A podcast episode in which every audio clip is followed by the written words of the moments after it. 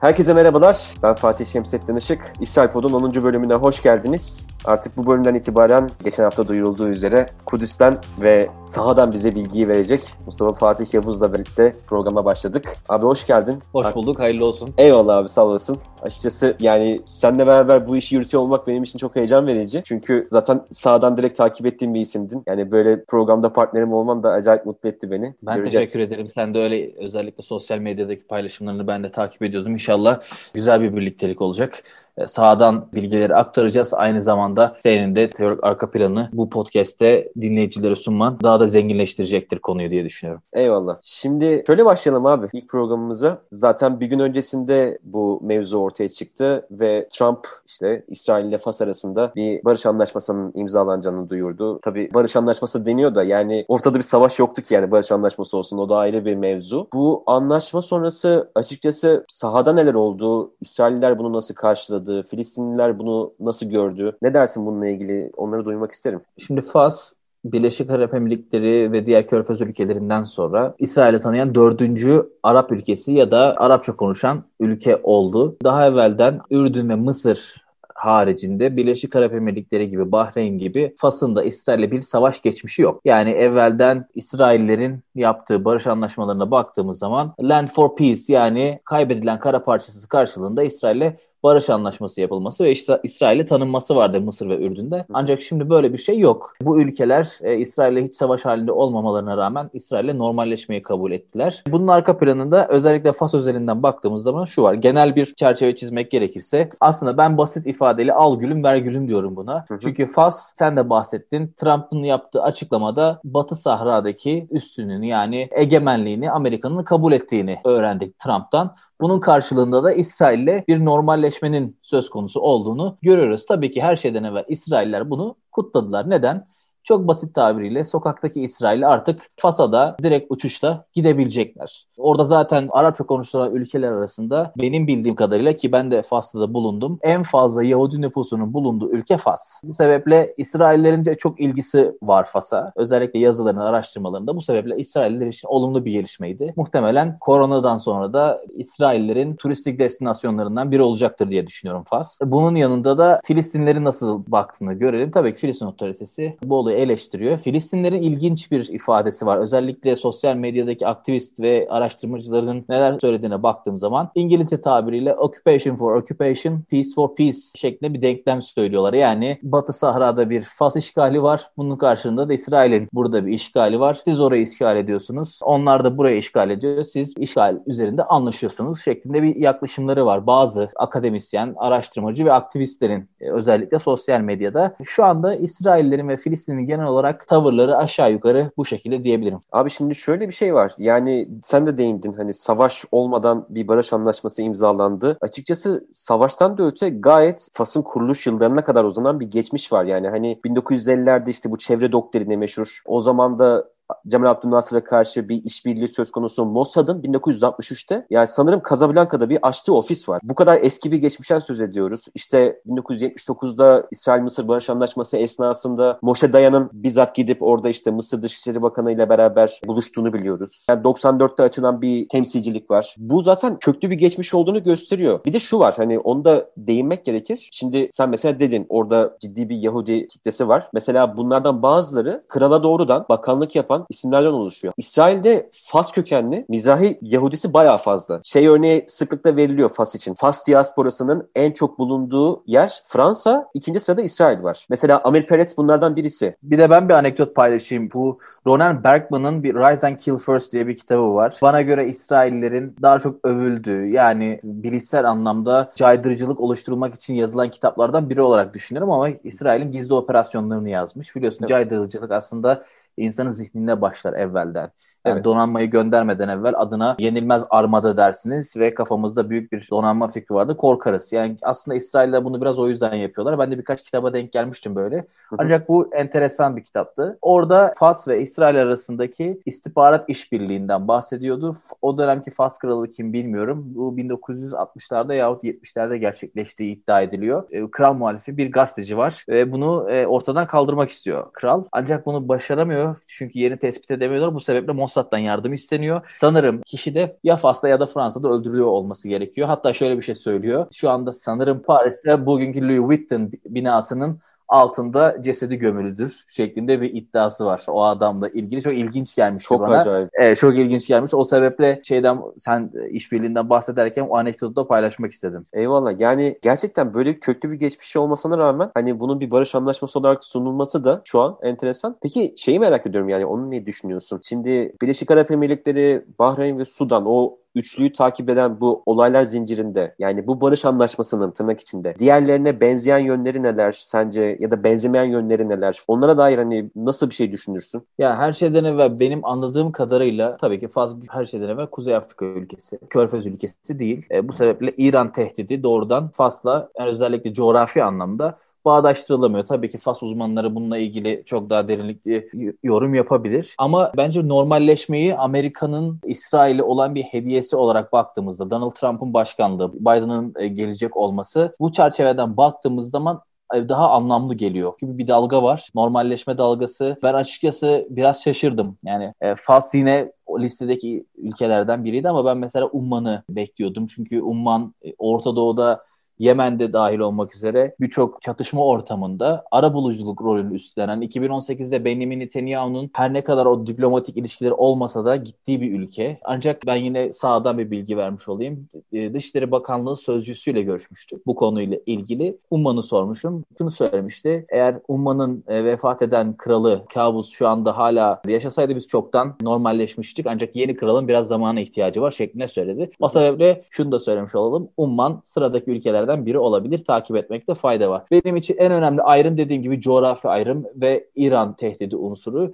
Ama bunun yanında Donald Trump gitmeden evvel bir miras bırakmak istiyor. Çünkü Biden biliyoruz ki bu normalleşme dalgasını devam ettirecek. Yani buna karşı değil. Ancak olabildiğince benim anladığım kadarıyla Donald Trump Fas'la dahil olmak üzere, diğer ülkelere dahil olmak üzere kendi hanesine dahil etmek istiyor. Çünkü normalleşmeden evvel 20 dakikalık bir görüşme yapılmış. Tabii ki bu arkasında e, bir çalışma var. Yani sadece 20 dakikada bir telefonla olacak iş değil. Donald Trump gitmeden evvel olabildiğince krediyi kendisine toplayacak. Özellikle Pompeo da buna dahil. Pompeo 2024'te başkan adayı olarak görebiliriz özellikle Cumhuriyetçiler tarafından. Çünkü biraz buna yatırım yapıyor. Buradaki ziyaretlerinden de bunu gördük. Fas'ın şu anda neden normalleştiğini ben Donald Trump'ın e, gidiyor olmasına bağlıyorum. En mantıklı açıklama benim için o şu anda. Fatih ben sana bir şey soracağım. Buyur abi. Fas normalleşti. Birleşik Arap Emirlikleri normalleşti. Diğer ülkeler normalleşiyor. Yani bu İsrail için olumlu bir şey. Peki sence Arap halkı buna nasıl bakıyordur? Tamam Arap devletleri normalleşebilir ama sence Arap halkları İsrail'i kucaklayacak mıdır? Sence böyle bir şey söyleyebilir miyiz yani? Ben açıkçası bunun yani Birleşik Arap Emirlikleri gibi hani bu hususta en heveskar ülkenin halkında bile aslında kısmen yankı bulduğunu düşünüyorum. Hani bu ülke halklarının doğrudan oh ne güzel İsrail'le barış yaptık işte artık yeni bir sürece girdik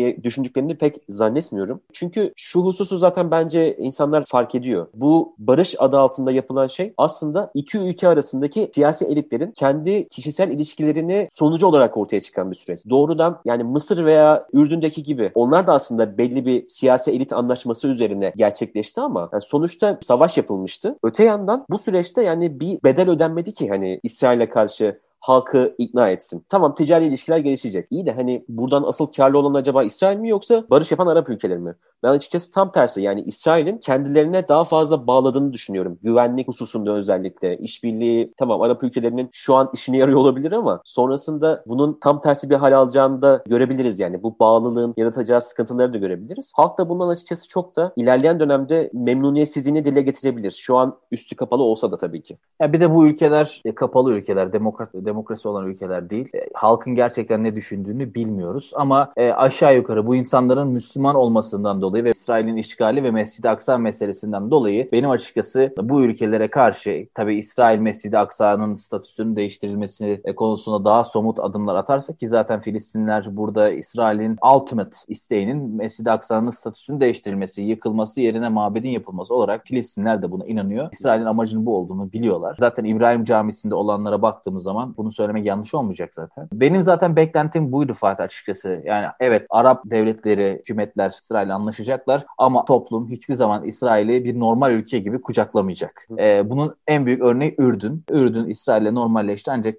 tabii Ürdün'de de çok ciddi bir Filistin nüfusu var. Ancak Ürdün halkı İsrail'i hiçbir zaman kabul etmedi. 6 ay e, Ürdün'de kaldım. Çok e, garip şeylere e, şahit oldum açıkçası. Yani hala e, Saddam Hüseyin'in fotoğrafları arabaların arkasındaydı. Çünkü Saddam zamanında İsrail'e Sukut füzeleri göndermişti. Bu sebepten dolayı hala Saddam Hüseyin bir karizmatik lider olarak bazı kişiler tarafından Ürdün'de seviliyordu. Yani bu hala İsrail'in kabul edilmediğini gösteriyor. Tabii Körfez ülkeleri farklı olabilir. Doğrudan savaşları olmadı. Ama bu insanlar Müslüman. Bence Filistinler de biraz bunu bekliyorlar. Benim anladığım kadarıyla. Çünkü Filistin yönetiminin Arap halklarını rencide etmeden e, Arap yönetimlerine biraz sitayişte bulunduğunu fark ettim. Arap halklarına e, bir şey söylemek istemiyorlar. Bence önemli bir faktör. Her ne kadar Arap Baharı çok tartışılsa da, farklı bir yere evrilmiş olsa da bu bir dalgaydı.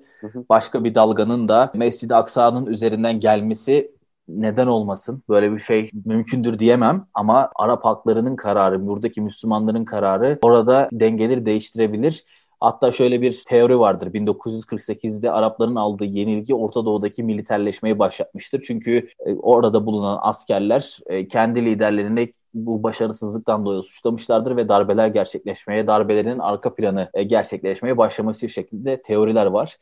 Bu sebeple Filistin meselesi hala hala Orta Doğu'da çok merkezi konumda. Çok merkezi hatta Orta Doğu'nun dengelerini değiştiriyor görüyorsun. Normalleşme evet. e, çok şey demek. Türkiye için de çok şey demek. İran için de çok şey demek. Hı hı. O sebeple devam edecektir ve biz de takip etmeye devam edeceğiz. Eyvallah. Ya yüzde yüz katılıyorum. Özellikle Filistin meselesinin işte Orta Doğu'nun kalbi olması hususunda yani askerileşme, militerleşmenin başlangıcı sayılması. Yani çok basit bir örnek. Yani 48 Savaşı'ndan 4 sene sonra Mısır'da albaylar darbesi gerçekleşiyor. Yani Orta Doğu'da o zaman böyle bir darbeler silsilesi başlıyor hani ne kadar büyük tesir ettiğinin net bir göstergesi bence. Yani demin Mısır ve Ürdün özelinde hani biraz daha savaş olmasından ötürü halka bir şey sunuldu. Hani belki ikna edilmede yine tabii ki sıkıntı oldu ama yani sonuçta dediğin gibi yani Saddam posterleri taşıyan insanlara neyi ikna edeceksin? Fakat orada en azından hani İsraillerin elinde daha sağlam bir malzeme vardı demek istiyorum. Yani bu körfezde sunabilecekleri hiçbir şey yok. Yani güzel ekonomik ilişkiler. E, so what yani? Hani ne sunabilirsin ki? Eyvallah anladım. Tabii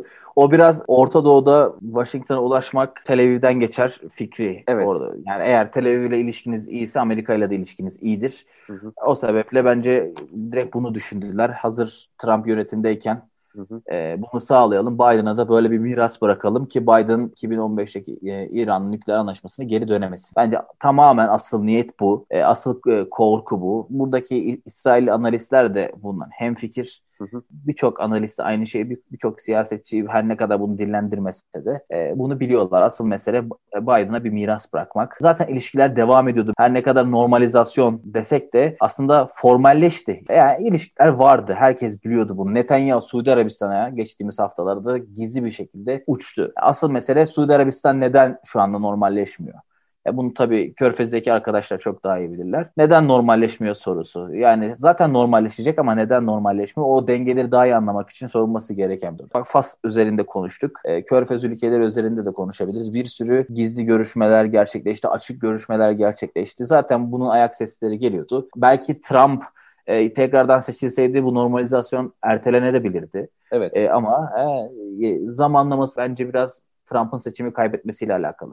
Seçim demişken yeni bir husus da şimdi İsrail'de seçimler tekrar baş gösterdi. Yani böyle bir ihtimal özellikle işte geçtiğimiz hafta olanlardan sonra sence yakın zamanda hani Mart'ta mı gerçekleşecek bu seçim yoksa işte Netanyahu'nun Gantz'la yaşadığı husumetten sonra artık daha ileri bir tarihe çekilir mi? Sen nasıl buluyorsun yani iki yıl içerisinde dördüncü seçim gerçekleşmek üzere. Nasıl bir ortam söz konusu şu an sahada?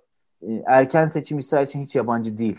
Burada zaten sürekli erken seçimler oluyor. Zaten seçim barajı çok düşük. Birçok parti seçime giriyor. Tabii Türkiye'deki evet. dinleyiciler için bunu açıklamak lazım. Türkiye'de 3-4 partili bir meclise alışkın olan insanlar 8-9 partili bir e, meclisteki dengeleri bilmek zorunda burayı anlayabilmek için. 3.25 olan bir barajdan bahsediyoruz yani. Evet. Çok düşük. Bunun hatta şöyle söylenir. Daha düşük de Arap partiler seçime giremesin diye yükseltildi. O sebeple Araplar da bir joint list olarak birlikte e, e, seçime giriyorlar her sene. Ondan sonra da İsrail'in en büyük üçüncü partisi dosya oluyorlar mecliste. Tabii onların arasında da bir sürü çekişme var şu anda. Onlarda da bir ayrılık görebiliriz. Belki bir sonraki podcastimizin konusu da olabilir. Evet. Dört tane partinin birleştiği bir parti esasında yani.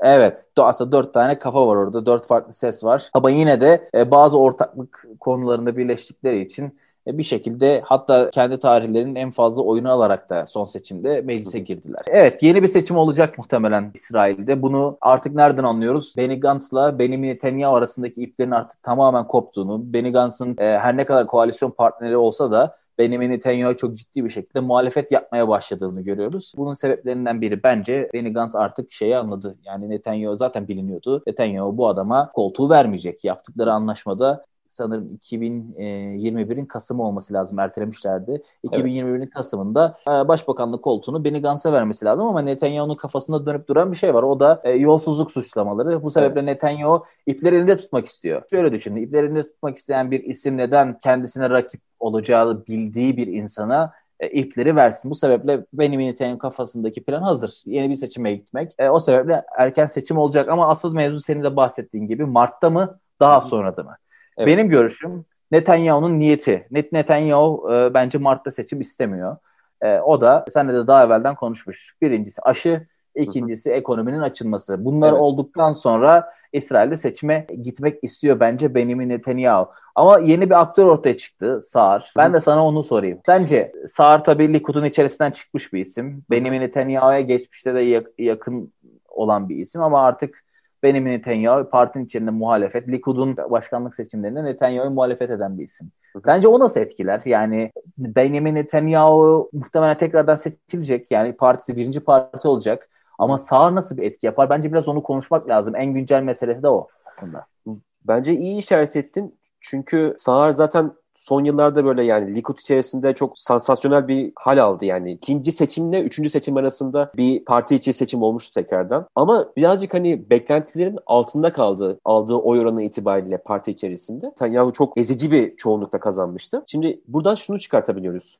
Yani Likud'daki kitlesi tamam belli bir kitlesi var gerçekten ama bu ne kadar kuvvetli? Yani bu tartışmalı. Belki tek haneli bir milletvekili çıkartabilecek kadar kitlesi var ama Sağır'ın önemi şuradan geliyor. Şimdi siyasi duruşu olarak her yöne aslında esneyebilen bir adam. Yani seküler bir adam ama aynı zamanda hani dini değerlerle de yani Yahudilik dini değerleriyle de barışık olduğunu e, daha önce söylemiş bir adam. Tabii bunu pragmatik bir şekilde söylediğini biliyoruz. Bir yandan da yerleşimleri destekleyen bir adam ama mesela bir Naftali Bennett çizgisindeki gibi değil. Ama mesela sekülerliği de işte bir Liberman çizgisinde değil. Yani doğru doğrudan ultra ortodoksluğa karşı bir çizgisi de yok. Şimdi bunu hesaba katınca aslında her yöne esneyebilen, her her yöne pragmatik davranabilen bir siyasetçiden bahsediyoruz. Yani dolayısıyla belki diğer İsrail'deki o Netanyahu küskünleriyle e, birleşip Netanyahu'ya karşı bir muhalefet geliştirebilir. Mesela bunlardan birisi yine yakın zamanda parti kuracağına dair söylentiler çıkan Gadi Eisenkot.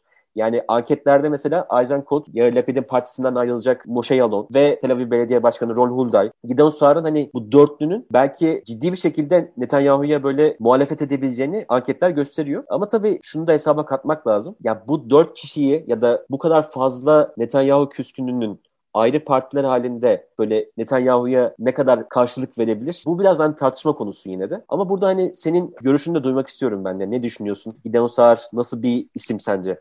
Ya Gideon Sar aslında Tel Avivli. Tel Aviv'e şöyle bir ifade kullanılır. Tel Aviv, Likud İsrail'in antitezidir, daha tüketicidir ve bu sebeple Gideon Sar'ın çok daha az milliyetçi bir adam olması beklenir. Ee, İsrail'de böyle bir algı var. Ee, ama baktığımız zaman Gideon Sar'ın geçmişine babası doktor. Tel Aviv'de yaşıyorlar ama daha sonradan bir kibutsa göçüyorlar. O kibutsta da Ben Gurion yaşıyor. Hı hı. Ben Gurion'la da babası ahbap oluyorlar. Çünkü babası doktor hatta Ben Gurion'un Gurion'un e, kendi belgelerinde babasının imzası olan e, şeyler, reçeteler çıkıyor. Ben Gurion'u da bilen bir adam, görmüş bir adam. Yani bir, şekilde bir İsrail milliyetçiliği olan biri. Hatta şöyle bir şey de söylenir. Gideon Sar bir dönemde gazetecilik yapmıştı. E, askerliğini bitirdikten sonra 6 yıl gibi. Çalıştığı gazetelerde genellikle sol tandans gazetelerdir. O sebeple Gideon Sar'la ilgili hep bir soru işareti vardır. Gideon Sar acaba gizli bir e, sol tandansı olan bir adam mı diye soru işaretleri vardır. Enteresan. Yani ama ben şöyle bir şey olacağını tahmin ediyorum. Tabii Gideon Sar ben soldaki isimlerle de bir şey kurmaya çalışayım der mi?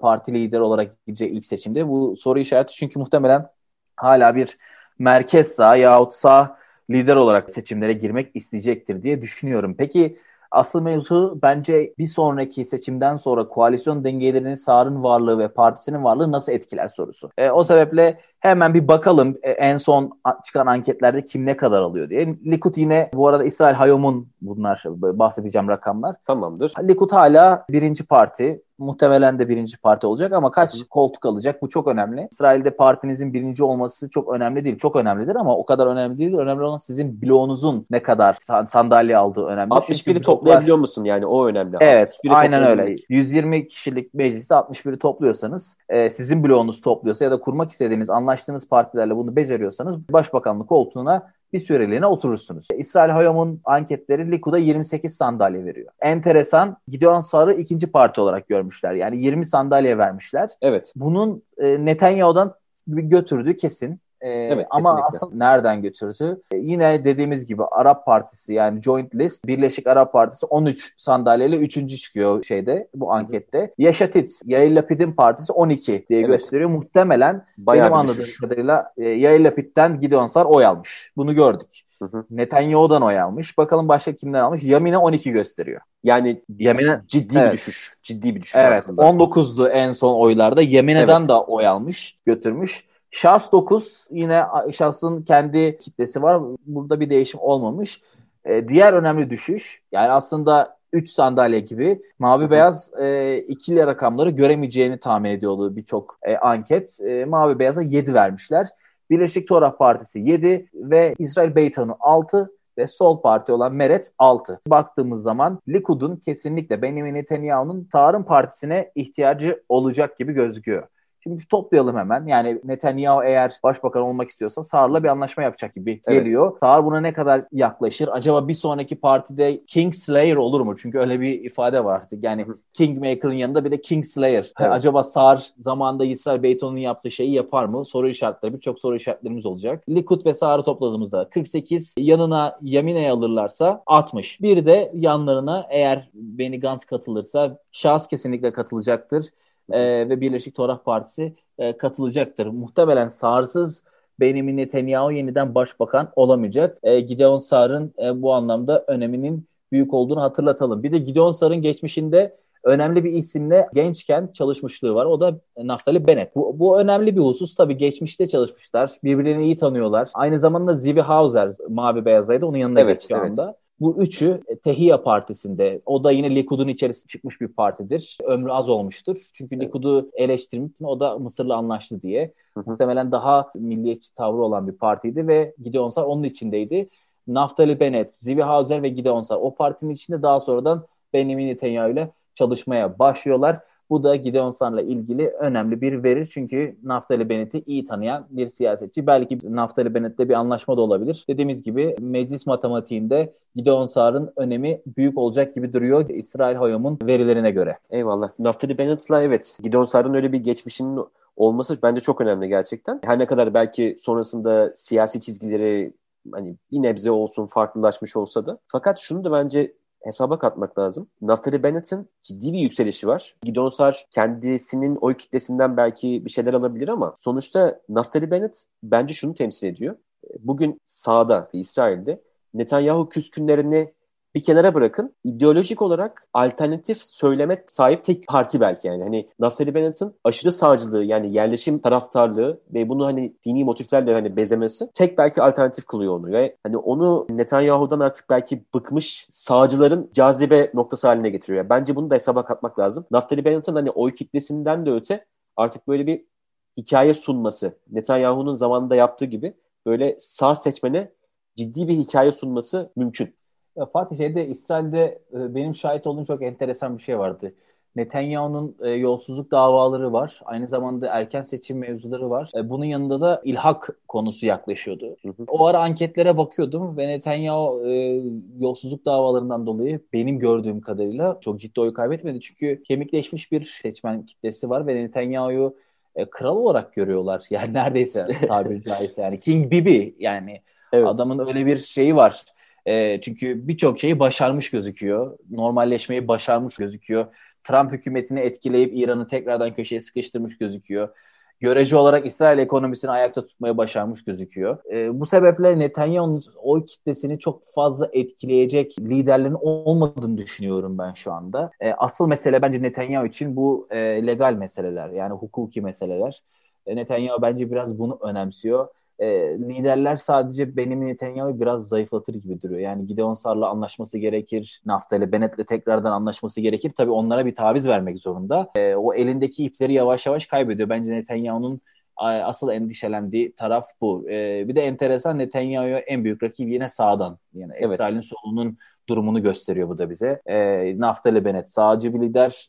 E, Gideon Sar yine kendi partisinin içinden çıkmış. Milliyetçi sağcı bir lider. Bu da Netanyahu'nun durumunu gösteriyor. Ben anketlerden bahsedecektim. O dönemdeki anketler Netanyahu'yu yine aynı şekilde veriyordu. Yani oy kaybı yoktu yolsuzluk meselesinden dolayı. Ama e, ilhakı gerçekleştiremedikten sonra ki ben evet. de bununla ilgili bir haber yapmıştım. İlhak'ın sözünü verdi ve yapamadı. Bu aşırı sağcı yerleşimcileri çok ciddi kızdırdı. ve Karizmayı çizdirdi. Adeta çizdirdi. Aynen öyle. O sebeple muhtemelen o oylar şu anda Naftali Bennett'e gidiyor. Benim gördüğüm kadarıyla. Çünkü o ifadelerine baktığım zaman o liderlerin, o yerleşimci liderlerin e, Netanyahu'yu çok ciddi eleştiriyorlardı Fatih. E, ki yerleşimciler de artık az buz değil yani sayıları neredeyse 1 milyon oldu ve mecliste de İsrail askeri içerisinde, polis içerisinde güçlüler. Bu sebeple kale alınması gereken bir durum ve Naftali Bennett eğer onları konsolide ederse e, Netanyahu'nun başına çok ciddi bir şey açabilir. Başka bir soru da olabilir. Eğer yeni bir seçim olursa Netanyahu ilhak planlarını tekrardan gerçekleştirmek için çabalar mı? Biden'a bunu kabul ettirebilir mi? Bunlar da enteresan konular olacaktır diye düşünüyorum.